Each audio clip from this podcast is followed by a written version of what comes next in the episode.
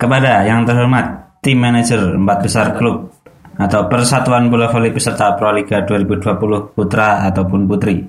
2. Para sponsor pendukung Proliga 2020 di tempat. Salam olahraga. 1. Rujukan. A. Program kerja PP PBVSI tahun 2020.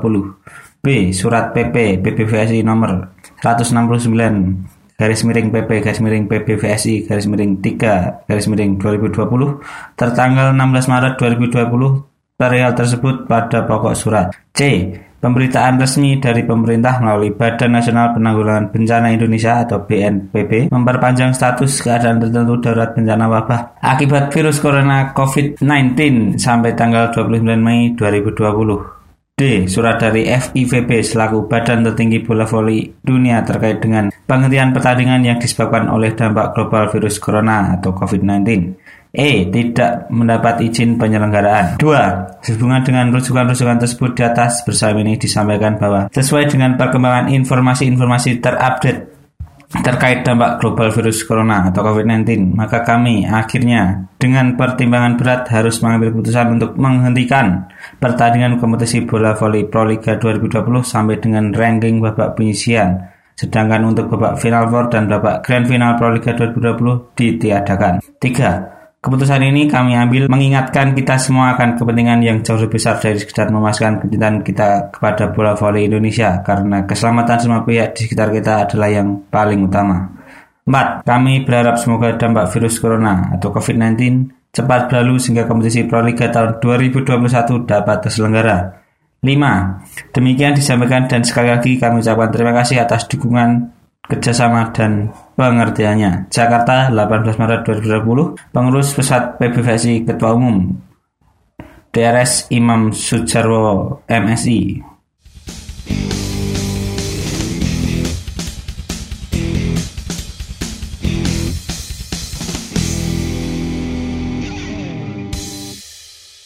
Ya, kembali lagi bersama kami AM Volleyball Podcast. Podcast bola voli pertama di Indonesia. Masih bersama saya Agung dan masih setia menemani Saya coach bola voli amatir Wah, coach Wahyu Indra. Ya, ini gimana coach? Coach juga self isolating kayak ini coach. Apa itu? Di rumah terus maksudnya, di rumah terus? Enggak, kalau saya masih keluar-keluar. Oh, Tadi habis beli ini? sate kambing. Saya yang penting selalu ini Pakai hand Iya, iya, sanitizer. Nih, rumah coach belum zona merah ya coach Belum lah, kita kan ini di desa Jadi masih seger-seger aja kayaknya Ya, ini tapi ini di Indonesia sudah lumayan mewabah ini COVID-19 sampai Pro Liga 2020 dihentikan. Ini gimana coach? Iya ini Pro Liga tahun ini menjadi anti klimaks ya. Nah, pada menurut saya Pro Liga tahun ini paling kompetitif dan paling seru menurut saya. Tapi sayang sekali babak final dan grand final diadakan. Tapi sebelum pengumuman ini diumumkan kan sebelumnya sudah ada wacana final four sama grand final diadakan di Padepokan Voli Sentul tapi tanpa penonton. Tapi saya nggak tahu selang beberapa jam eh, keluar surat itu dari PP PBVSI. Mungkin setelah disurati dari FIVB itu sebagai induk bola voli dunia. Ya tadi di surat juga disebutkan karena kalau tidak diberi izin untuk penyelenggaraan, mungkin dari kepolisian juga tidak mengizinkan coach. Oh iya iya itu bisa saja. Tapi eh, sebagai kita sebagai pecinta bola voli tentunya memang ses- sesuai yang tertuang di surat tadi kepentingan bangsa ini lebih besar dari daripada memuaskan hasrat kita terhadap bola voli. Ya, betul betul betul. Oke, kita harus merelakan uh, Pro Liga tahun ini hanya sampai di babak penyisian. Kita tunggu aja untuk babak selanjutnya.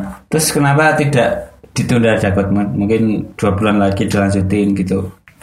Ya, kalau ditunda menurut saya klub-klub yang dirugikan karena eh, biasanya kan kalau di klub Pro Liga eh, hanya mengontrak pemain hanya eh, semusim liga. Jadi nanti bisa extend kontrak lagi, bisa mengeluarkan eh, dana yang lebih besar lagi apa apalagi pemain asing. Pemain asing eh, pasti kan lebih besar dia. Mungkin eh, menimbang hal itu mungkin ya.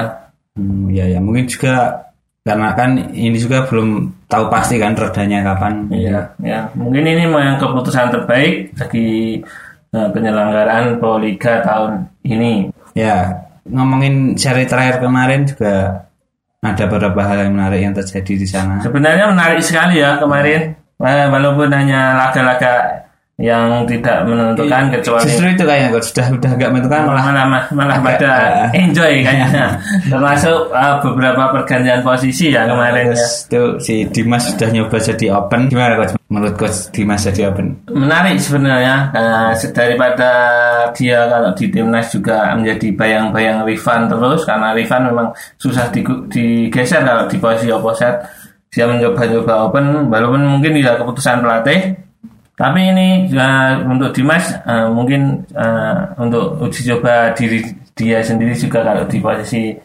open layak apa enggak mungkin gitu. Tapi saya melihat kemarin ya uh, receive-nya masih kurang. Karena kalau posisi open atau outside itu kan harus melakukan receive. Nah, sedangkan receive kan harus uh, mem- harus berlatih selain itu harus mempunyai ritme ritme untuk melakukan receive jadi kalau nggak terbiasa ya mungkin uh, banyak melencengnya receive-nya gitu Ya.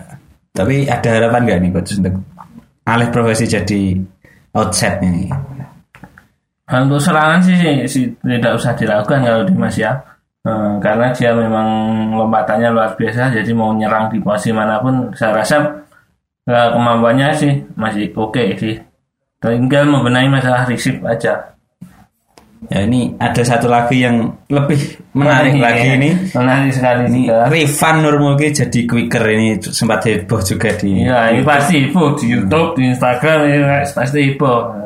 Rifan, alih profesi, pasti kan gitu lah itu. Tapi kalau kita kan nggak bikin konten kayak gitu ya. Nah, ya kemarin ganti Yuda kayaknya ya, ganti Yuda. Terus sebenarnya mungkin mau nyimpen Yuda untuk Final Four tapi malah nggak ada Final Four ya. jadi cuma buat suka-suka aja kemarin. Kemarin, iya mungkin karena quickernya Samatar kan eh, praktis Tiga. eh, diforsir terus ya. Eh, beruntung kemarin eh, menemukan yoga tegar itu yang lumayan bagus dan menjadi sekarang malah menjadi pemain inti dan kemungkinan kemarin memang mau menyimpan Yuda. Terus mungkin Rifan minta itu, eh, saya tak jadi quicker coach mungkin gitu kemarin karena sudah tidak menentukan pertandingan. Ya, ya. Tapi juga emang pemain paling nomor satu lah jadi mau main di mana aja kayaknya. boleh mungkin termasuk mau jadi center pun mungkin boleh gitu Rifan sih.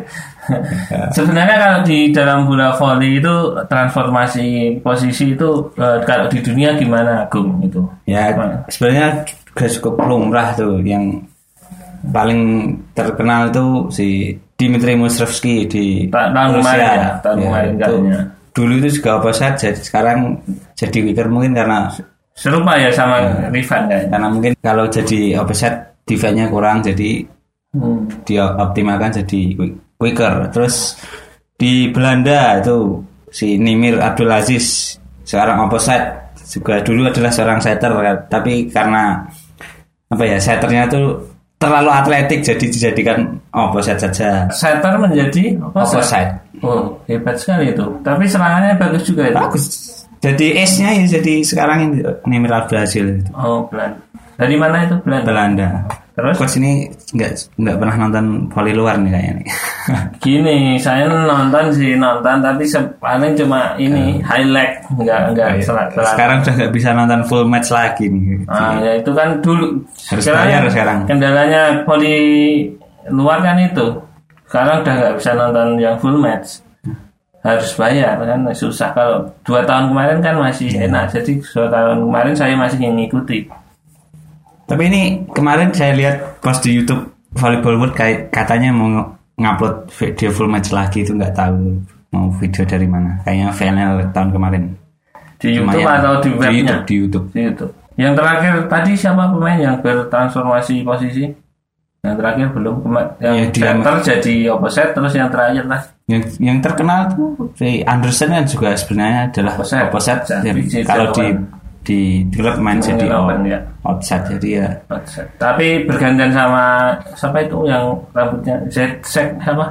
Z-Sep. Z-Sek. Nah, bacanya gimana susah jadi. Kalau di timnas sama hampir serupa Pets. hampir Itu oh ya hampir serupa kayak eh, kemarin Dimas sama Igor Igor ya ya dua-dua offside yang satu jadikan gitu ya terus Jadi, di Perancis juga sih. Oh, masih ada? Ah, banyak. Di Hmm. Perancis tuh Kevin Tilly itu kalau di Genia nggak bisa main jadi libero dia. Sebenarnya dia itu outside. Offside jadi Anang ini. Kayak iya, ini kayak Anang. sama Tar mirip mirip mirip mirip mirip.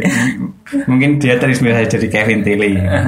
Tapi sebenarnya kemarin eh, kalau di Sadang itu Dimas jadiin posisi open itu hmm, jangan-jangan ini memang podcast kita didengerin pelatihnya kan? Iya, Sebelumnya kan kita bahas. Mungkin saran dari saya kan Dimas Jadi atau Igor jadi open yang receive-nya siapa yang baik jadi open gitu. Dan kemarin terbukti Dimas digeser jadi open. iya iya iya. Nah ini podcast kita memang agak-agak pelatih pelatih semua ini yang dengerin Jangan bilang gitu.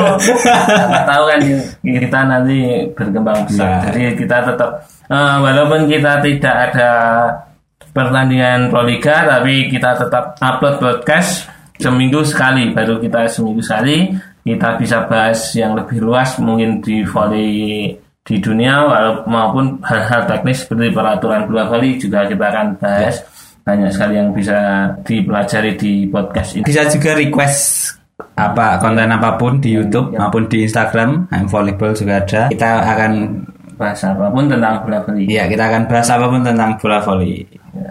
Oke. Yaudah, gitu dulu. Salam I'm Volleyball.